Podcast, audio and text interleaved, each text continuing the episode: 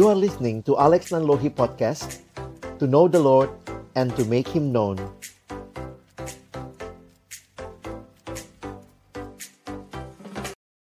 Mari kita berdoa sebelum membaca merenungkan firman Tuhan. Kami memuji namamu ya Tuhan karena sungguh engkaulah Allah yang patut menerima segala puji, hormat dan sembah kami. Siang hari ini Tuhan memberi kesempatan bagi kami bersekutu bersama-sama memuji memuliakan namamu. Tiba waktunya bagi kami untuk membuka firman-Mu ya Tuhan. Karena itu kami mohon biarlah waktu kami membuka firman-Mu bukalah juga hati kami Jadikanlah hati kami seperti tanah yang baik, supaya ketika benih firman Tuhan ditaburkan, itu boleh sungguh-sungguh berakar, bertumbuh, dan juga berbuah nyata di dalam kehidupan kami. Berkati baik hambamu yang menyampaikan dan setiap kami yang mendengar, Tuhan tolonglah kami semua. Agar kami bukan hanya menjadi pendengar-pendengar firman yang setia, tapi mampukan dengan kuasa dari rohmu yang kudus, kami dimampukan menjadi pelaku-pelaku firman-Mu di dalam hidup kami. Bersabdalah ya Tuhan, kami umat-Mu sedia mendengarnya. Di dalam satu nama yang kudus, nama yang berkuasa. Nama Tuhan kami Yesus Kristus, Sang Firman yang hidup. Kami menyerahkan pemberitaan firman-Mu. Amin. Silakan duduk. Shalom. Selamat siang Bapak Ibu Saudara yang dikasihi Tuhan. Kesempatan ini adalah kesempatan yang indah kita bersekutu bersama dan juga boleh mendapat kesempatan belajar kebenaran firman Tuhan dan tema yang hari ini diberikan kepada saya adalah servant leadership atau mungkin servanthood leadership. Dan ini adalah satu pembahasan yang menarik sekali karena di dalam Alkitab kita, kita bicara tentang Kristus yang menjadi hamba. Dan ternyata di dalam ilmu manajemen sekarang, istilah ini pun dikenal. Dan dalam pelajaran tentang leadership, sekarang sedang banyak yang mengembangkan servanthood leadership. Nah, apa yang menarik bagi kita tentunya orang-orang percaya yang punya teladan yang nyata saya pikir kita bisa menjadi orang-orang yang menunjukkan teladan. Apa artinya menjadi servant leader? Nah, yang menarik adalah diskusi istilah. Mungkin saya tidak akan masuk nanti uh, membuat saudara bingung ya, tapi ada ada dua istilah yang muncul. Saudara lebih setuju yang mana? Kita itu pelayan yang memimpin atau pemimpin yang melayani? Tipis bedanya ya. Tapi besar pengaruhnya. Nah, ini jadi pergumulan pertanyaan yang nanti uh, Bapak Ibu silakan gumulkan terus. Saya akan memberikan pendekatan saya mengambil pendekatan yang pertama. Karena itu lebih biblical. Pelayan yang memimpin. Kita lihat sama-sama nanti ya. Mari kita buka bagian firman Tuhan mendasari perenungan kita Markus pasal yang ke-10. Markus pasal yang ke-10 kita akan membaca ayat 35 sampai ayat yang ke-45. Mari kalau saudara sudah menemukan kita akan membaca bagian ini bergantian. Saya mulai ayat yang ke-35 Mohon Bapak Ibu Saudara membaca ayat yang ke-36, kita bergantian sampai ayatnya yang ke-45. Permintaan Yakobus dan Yohanes bukan memerintah melainkan melayani. Lalu Yakobus dan Yohanes anak-anak Sebedeus mendekati Yesus dan berkata kepadanya, "Guru, kami harap supaya engkau kiranya mengabulkan suatu permintaan kami."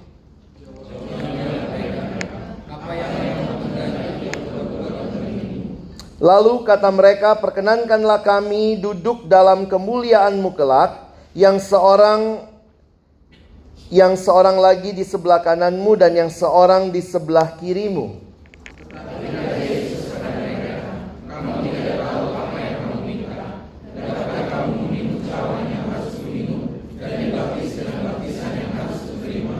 Jawab mereka, kami dapat.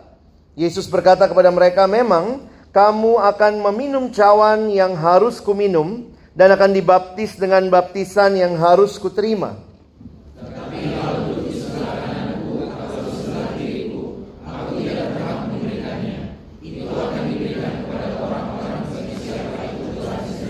Mendengar itu ke sepuluh murid yang lain menjadi marah kepada Yakobus dan Yohanes.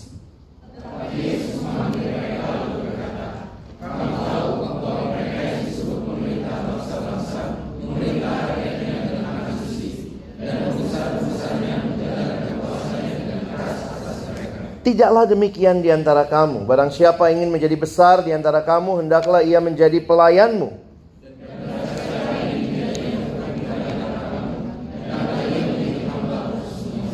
Karena anak manusia juga datang bukan untuk dilayani, melainkan untuk melayani dan untuk memberikan nyawanya menjadi tebusan bagi banyak orang.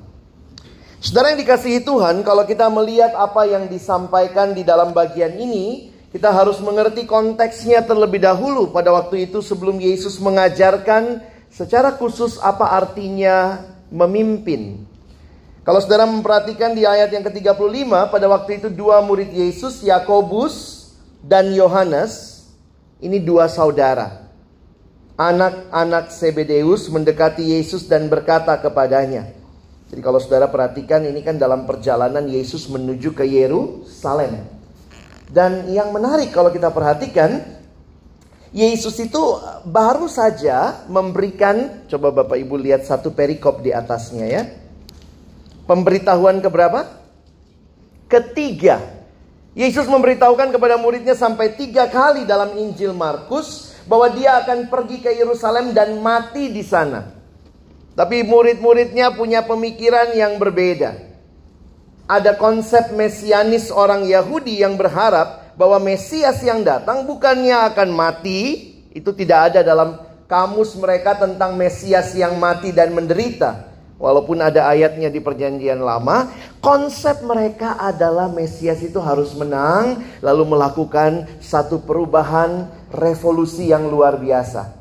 Sehingga setelah Yesus mengajarkan aku akan pergi ke Yerusalem dan mati, murid-murid masih pikirnya apa? Yesus akan ke Yerusalem dan akan menunggang balikan kerajaan Romawi. Dan jangan lupa Bapak Ibu Saudara, Yerusalem sebagai pusat agama Yahudi diyakini mereka inilah tempat di mana Yesus akan melakukan revolusi. Karena itu di jalan mulai tanya posisi sekarang lagi banyak yang tunggu di telepon Jokowi katanya ya. Bapak Ibu, handphonenya aktif nggak? Aktif ya? Nggak akan lah ya. Jadi mereka dalam perjalanan ke Yerusalem yang ada di benak mereka adalah siapa yang duduk di kiri, siapa yang duduk di kanan. Kalau jadi Yesus frustasi juga punya murid kayak gitu ya. Bilangnya aku mau ke Yerusalem buat mati, yang ada di pikiran mereka, dia jadi raja, siapa yang duduk di kiri? Siapa yang duduk di kanan? Bahkan kalau saudara perhatikan di dalam Injil yang lain, pakai mamanya. Ya, minta mamanya yang datang sama Yesus. Lalu mamanya yang bilang, Tuhan anakku satu di kiri, satu di kanan. Untung nggak minta pangku saudara ya. Luar biasa. Sehingga kalau kita perhatikan ini konteksnya. Kepemimpinan yang mereka mengerti adalah kepemimpinan yang punya posisi dan mereka mau kalau Yesus nanti masuk ke Yerusalem, dia jadi raja di sana, maka buru-buru dong siapa yang akan duduk di kiri dan kanan. Setelah lihat lebih lanjut, jawab Yesus. Apa yang kamu kehendaki aku perbuat bagimu? Lalu mereka bilang lah, minta ya, perkenanlah kami duduk di dalam kemuliaanmu kelak, yang seorang di sebelah kananmu dan yang seorang lagi di sebelah kirimu. Itu pemahaman mereka dan Yesus jawab, kamu tidak tahu apa yang kamu minta. Dapatkah kamu minum cawan yang harus kuminum dan dibaptis dengan baptisan yang harus kuterima? Dua istilah ini adalah istilah yang menggambarkan kalau bicara tentang cawan, Perjanjian lama biasanya menggunakan itu adalah lambang penderitaan. Lambang murka Allah kalau kita perhatikan makanya Yesus berkata jikalau mungkin cawan ini lalu daripadaku. Lalu akan dibaptis dengan baptisan yang harus kuterima. Yesus menggambarkan ada satu kesatuan. Baptisan itu adalah bentuk dipersatukan. Jadi ketika itu Yesus bertanya kepada mereka, mungkinkah dapatkah kamu melakukan itu? Sombong banget mereka. Bilangnya apa? Kami dapat. Dan Yesus berkata, memang kamu akan meminum cawan yang harus kuminum. Dan menerima baptisan yang harus kuterima. Yesus mau menyatakan bahwa sebelum kamu nanti juga akan mengalami penderitaan karena ikut aku, tapi aku dulu yang akan minum cawan itu.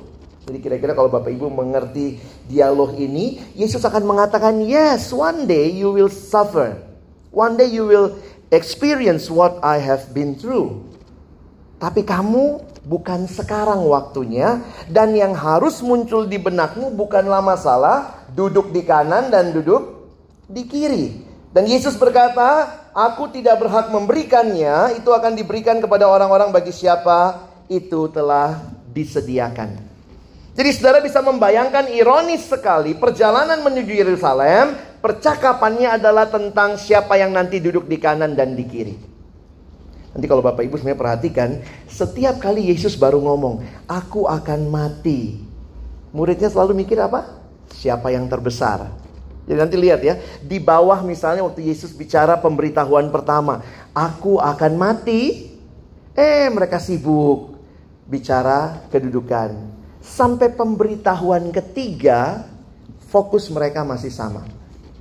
Power untuk memerintah. Ayat 41. Nah, kita lihat yang bagian bawahnya Saudara ya. Mendengar itu ke 10 murid yang lain menjadi marah kepada Yakobus dan Yohanes.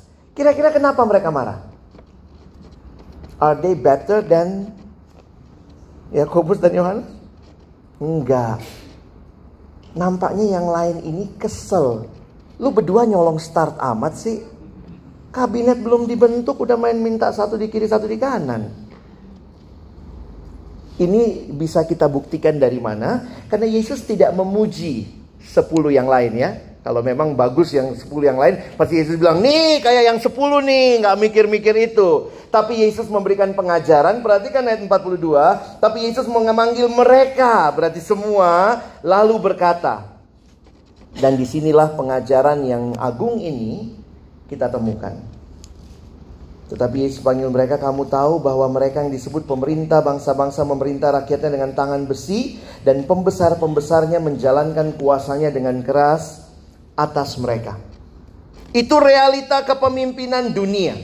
Perhatikan ayat 43. Tidaklah demikian di antara kamu. Barang siapa ingin menjadi besar di antara kamu, berarti boleh nggak jadi besar? Bukan badannya ya. Kepemimpinan, pengaruh yang besar itu boleh. Itu Alkitabiah. Kalau saudara punya kerinduan, punya ambisi yang baik, yang kudus, untuk punya posisi, that's good. Makanya kalau kita suka mikir gitu kalau anak-anak gitu ya, pokoknya jadi apa? Oh jangan cuma itu, jadi presiden gitu ya. Cuman kalau udah begini Bapak Ibu masih ada yang ambisi jadi presiden? Kan harus punya ambisi yang tinggi gitu ya. Ambisi yang kudus. Jadi tidaklah demikian di antara kamu, barang siapa ingin menjadi besar di antara kamu, berarti menjadi besar itu boleh. Hendaklah ia menjadi pelayanmu. Nah ini yang sulit. Mau jadi besar? Please do. Tapi caranya jadi pelayan. Wah ini bukan cuma sulit saudara ya, ini bahasa Inggrisnya sulai. Karena kita cuma mau depannya, konsekuensi dan caranya tidak banyak yang siap. Dan barang siapa ingin menjadi yang terkemuka di antara kamu, boleh jadi terkemuka? Boleh. Please do so. Tapi hendaklah ia menjadi hamba untuk semuanya. Apa sih yang Tuhan minta? Kepemimpinan macam apa yang diperkenalkan kepada kita? Banyak orang berkata, "Oh, Yesus tidak mau muridnya punya posisi." Oh, salah. Yesus mau punyalah posisi dalam arti pengaruh, jadi pemimpin, jadi leader, jadi besar, jadi terkemuka, tetapi the way and the character of that leadership is totally different. dengan apa yang dunia tawarkan. Lalulah ayat 45. Nah, ini kan ayat yang kita suka kutip ya. Karena anak manusia juga datang bukan untuk dilayani, melainkan untuk melayani dan untuk memberikan nyawanya menjadi tebusan bagi banyak orang. Ada satu kampus jadikan ini moto kampusnya, di bawah logo kampusnya, saya nggak usah sebut kampusnya ya, tapi di bawah logo kampusnya ditulis melayani, koma, bukan dilayani. Wah Kristen banget ya. Tapi sering kali dijadiin bercandaan. Melayani, bukan dilayani. Tipis bedanya saudara. You geser the koma, beda arti ya. Melayani, koma, bukan dilayani. Nah ini satu hal yang saya ingin kita pikirkan bersama ketika saudara dan saya ada di dalam dunia ini, saya harus katakan ini bukan hanya berlaku untuk kepemimpinan rohani. Yesus tidak memberikan prinsip hanya kepemimpinan rohani, kayaknya ini berlaku di gereja. Ya udahlah kalau jadi ma majelis kalau jadi uh, sintua jadi pertua ah, inilah ayatnya gitu ya. Kalau di kantor ya bedalah di sini ya saya dong segala-galanya tapi ketika Yesus bicara ini, Yesus bicara tentang bagaimana seharusnya seorang memimpin. Kalau saudara perhatikan, saya ingin ajak kita melihat beberapa slide ini sebagai perenungan kita. Banyak orang menganggap dirinya sebagai seorang pemimpin Kristen, baik di kantor, organisasi, rumah, ataupun gereja. Meskipun nampaknya konsep dan aksi kepemimpinan mereka sangat berbeda dengan konsep dan aksi kepemimpinan yang pernah diajarkan dan didemonstrasikan oleh Yesus Kristus. Jadi sebenarnya malu juga ngomongnya pemimpin Kristen tapi sebenarnya nggak mirip Yesus. Kalau Kristen berarti mirip Yesus. Ada nggak Bapak Ibu yang mungkin teman kerjanya atau mungkin orang-orang yang dipimpin ngomong, "Ih, Bapak Yesus banget sih." Belum. Berarti belum terjadi dong ini ya. Ih, Bapak Hitler. lebih ke Hitlerannya lebih kelihatan kali ya. Kadang-kadang ada orang yang seneng ya. Saya saya keliling-keliling juga ke, ke, ke lembaga Kristen, ke kantor gitu ya. Ada orang yang seneng dikenal jahat gitu. Nggak tahu apa apa suka suka citanya ya. Biar semua tahu saya paling jahat di sini. Terus kenapa? Bangga lagi. Biasanya ada juga yang begitu kan, apalagi kalau sudah lama di situ. Kayaknya kalau dia terkenal jahat, jahatin anak baru, kayaknya bangga gitu ya. Ada satu hal yang saya pikir saya datang ke satu sekolah, ada satu guru udah tua banget. Semua yang dibawa dia mental gitu ya. Kenapa? Pokoknya ya, iya ibu itu senang disebut ibu yang jahat. Nah kadang-kadang cara-cara pikir kita kok beda banget sama Tuhan Yesus ya. Kalau saudara perhatikan, konsep kepemimpinan Kristen adalah konsep yang umum dalam semua konsep. Kepemimpinan itu dikaitkan dengan kuasa atau power. Jadi sebenarnya saudara kita jangan takut dengan kuasa, jangan takut dengan power. Itu konsekuensi logis dari sebuah kepemimpinan sebenarnya. Karena itu banyak yang mengatakan bahwa seorang pemimpin adalah seorang yang memiliki kuasa. Dan kuasa itu sendiri sering kali didefinisikan kalau bicara lebih positif bukan kuasa untuk opres adalah kapasitas untuk mempengaruhi orang lain. Nah, kalau saudara perhatikan konsep Yesus tentang kuasa jelas berbeda. Namun penting untuk diingat bahwa Yesus sendiri tidak meniadakan kuasa. Yesus sendiri mengatakan bahwa ia punya kuasa. Jadi sekali lagi ayat tadi jelas mengingatkan kepada kita Yesus tidak mengabaikan kuasa, tidak mengabaikan struktur. Yesus bilang silahkan jadi terkemuka. Walaupun unik juga saudara ya, waktu saya pelajari Alkitab gitu ya, Yesus tuh nggak pernah jadi pengurus loh. Benar nggak? Ada bapak ibu yang bisa buktikan Yesus jadi pengurus? Yang jadi pengurus zaman itu yang Farisi, ahli Taurat. Tapi Yesus punya hati yang melayani, sehingga bagi saya, saya pikir itu dasar yang paling penting. Sehingga ketika punya hati yang melayani dapat struktur, maka dia akan melakukan di dalam struktur konsep pelayanan itu. Kita lihat sebentar. Yang Yesus lakukan kalau begitu apa? Kalau dia tidak meniadakan kuasa, dia membongkar dan memperbaiki pengertian kuasa dan penerapannya oleh pemimpin. Ajaran Yesus sama sekali tidak berfokus pada kuasa seseorang atau seorang pemimpin, namun bicara tentang kerendahan hati seorang pelayan. Nah, jadi Bapak Ibu coba combine ini ya. Inilah kunci kepemimpinan Kristen Saudara punya posisi power yang tinggi, tapi exercise itu dalam hati yang melayani. Nah, itu sekali lagi tidak mudah. Kenapa saya lebih setuju konsep yang pertama tadi? Saudara coba lihat sebentar di dalam ayat ini, ya. Kita baca 1 Tesalonika 1 ayat yang ke-9. Mari kita baca sama-sama 1 2 ya. Sebab mereka sendiri bercerita tentang kami, bagaimana kami kamu sambut dan bagaimana kamu berbalik dari berhala-berhala kepada Allah untuk melayani Allah yang hidup dan yang benar. Kalau saudara perhatikan ayat ini baik-baik, maka dalam ayat ini kita mendapatkan pemahaman bahwa sebenarnya setiap orang yang sudah ditebus Yesus, sudah berbalik dari berhala, sekarang berbalik kepada Allah, maka status dasar kita adalah pelayan. Jadi sebenarnya tidak usah kita tanyakan lagi. Saya perlu melayani Tuhan nggak? Itu melekat pada being kita.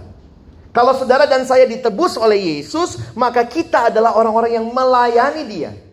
Makanya saya sering kali bilang sama adik-adik yang saya layani, ingat, kita mungkin mantan pengurus. Tapi seumur kita hidup, kita belum pernah jadi mantan pelayan. Karena itu melekat sama kita. Makanya mungkin saudara selesai pengurus begitu. Makanya kalau selesai kepengurusan pertanyaannya apa? Tuhan, di mana lagi aku harus melayani? Terus bertanya itu. Dan itu bukan hal yang karena istilahnya kalau saudara berhenti melayani berarti saudara berhenti jadi orang yang kenal Tuhan. Karena itu bukan sekedar masalah struktur. Makanya saya lebih setuju dengan istilah pertama, kita itu pelayan yang memimpin. Kenapa? Pemimpin pelayan bukanlah eh, pemimpin pelayan bukan pemimpin yang melayani, melainkan pelayan yang memimpin. Kenapa demikian? Ia bukan status dasarnya bukan pemimpin yang lalu merelakan diri untuk melayani orang lain, sok-sok rendahin diri. Tapi yang paling utama ia adalah seorang pelayan, seorang hamba Allah yang diselamatkan Tuhan dan Tuhan percayakan status kepemimpinan. Jangan dibalik ya. Karena bedanya besar banget. Kalau saya rasa saya pemimpin, maka waktu saya melayani saya rasanya aduh, saya sok-sok turun. Ada juga orang bisa turun rendah hati begitu rupa supaya apa? Dipuji. Itu rendah hati papan loncat. Makin rendah, tuing, naiknya makin tinggi. Kamu ya yang melayani, oh saya nggak bisa, jangan saya. Kamu MC-nya, jangan saya, jangan saya. Dalam hati paksa terus, paksa terus. Begitu dia melayani, selesai melayani kan, oh, ih gila ya bagus banget ya.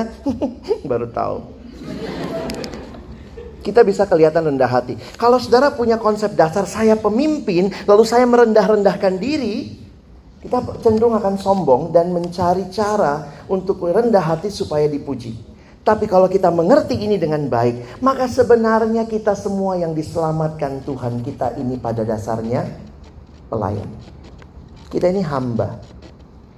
Jadi siapa pemimpin yang jadi hamba itu cuma Yesus sebenarnya. Dari tempat yang tinggi dia turun ke dalam dunia. Kita saudara dan saya adalah pelayan-pelayan Kristus diangkat jadi pemimpin, maka kita harus ingat jadilah seorang hamba yang terus melayani. Kalimat Paulus kepada jemaat di Galatia, Saudara-saudara memang kamu telah dipanggil untuk merdeka tetapi janganlah kamu mempergunakan kemerdekaan itu sebagai kesempatan untuk kehidupan dalam dosa. Melainkan layanilah seorang akan yang lain oleh kasih. Kalau saudara dan saya menghidupi jati diri Kristen kita, saya pikir ASN akan melayani, ASN Kristen akan melayani lebih baik, lebih maksimal. Karena apa? Itu jati diri kita kok. Tidak perlu ditulis nilai melayani, itu melekat pada diri kita. Ada di sana nilainya pelayanan. Itu Kristen ya? Oh itu umum, tapi semua itu ada dan kita lihat dalam diri Yesus Kristus. Pelayanan bukan dipaksa-paksa, bukan disuruh-suruh. Saya S3, masa saya harus begitu? Saya S2, masa saya harus begini? Tapi ketika saya tahu, saya punya power, saya punya kuasa, saya punya kemampuan, saya punya ability, saya punya skill. I will use it for others. Gak gampang memang jadi public servant. You have to serve the public. Tapi itulah panggilan kita. Jadi harusnya yang excellence dalam nilai itu adalah saudara dan saya. Karena kita kenal seorang pribadi. Kalau Yesus datang sekarang mungkin masuk masuk di DJP juga ya. Karena nilainya dia semua itu. Profesional melayani. Saya berapa waktu yang lalu di uh, bea cukai yang di pelabuhan ya, diminta bahas nilai itu juga begitu ya saya pikir wow, tidak jauh kok dari kita. Dan kita sudah punya teladannya. Masalahnya sekarang kita ikuti dia atau tidak. Harusnya itu kalau pemimpin itu, kalau memang di struktur pemimpin itu ketua paling atas ya, ketua, lalu kemudian bawa-bawa-bawanya ya. Tapi kalau dalam kekristenan harusnya dibalik sedikit ya. Ketua itu yang paling bawah, menopang semuanya. Cuma kan lucu aja kalau struktur begitu ya. Yesus tidak bicara, kalaupun saya di struktur paling atas, bukan berarti saya punya sekian anak buah. Coba kita ganti sebentar cara pikir kita. Kalau saya di struktur paling atas, saya top, di bawah saya ada 20 orang, berarti ada 20 orang yang harus saya layani. Karena itu saya tutup dengan satu uh, kesimpulan seperti ini ya dari buku teman saya Dr. Senjaya, salah seorang Kristen, profesor dari Monash University yang mendalami servanthood leadership. Dan dia dipakai di banyak uh, tempat di dunia menjelaskan tentang servanthood leadership. Dia mengatakan begini, memimpin adalah melayani. Namun melayani belum tentu memimpin. Ya dong, kita kan belum tentu juga. Bapak Ibu di rumah melayani nggak? Yang melayani, tapi ya kalau dipimpin kan anak-anak kita sendiri misalnya. Yang tidak mau melayani tidak boleh dan tidak berhak memimpin. Pemimpin adalah pelayan. Namun pelayan belum tentu memimpin. Yang tidak rela menjadi pelayan tidak layak jadi pemimpin. Doakan beberapa hari ini akan ada pelantikan presiden. Sesudah itu Bapak Ibu jadi tahu siapa menteri saudara. Dan kita doakan pemimpin-pemimpin negeri kita punya hati yang melayani. Dan kita juga yang sudah tahu firman Tuhan, biarlah kita juga punya hati yang melayani. Saya bacakan sekali lagi. Memimpin adalah melayani namun melayani belum tentu memimpin. Yang tidak mau melayani, saudara tidak boleh dan tidak berhak memimpin. Pemimpin adalah pelayan, namun pelayan belum tentu pemimpin. Karena itu, yang tidak rela jadi pelayan, saudara dan saya tidak layak jadi pemimpin. Amin. Mari kita berdoa.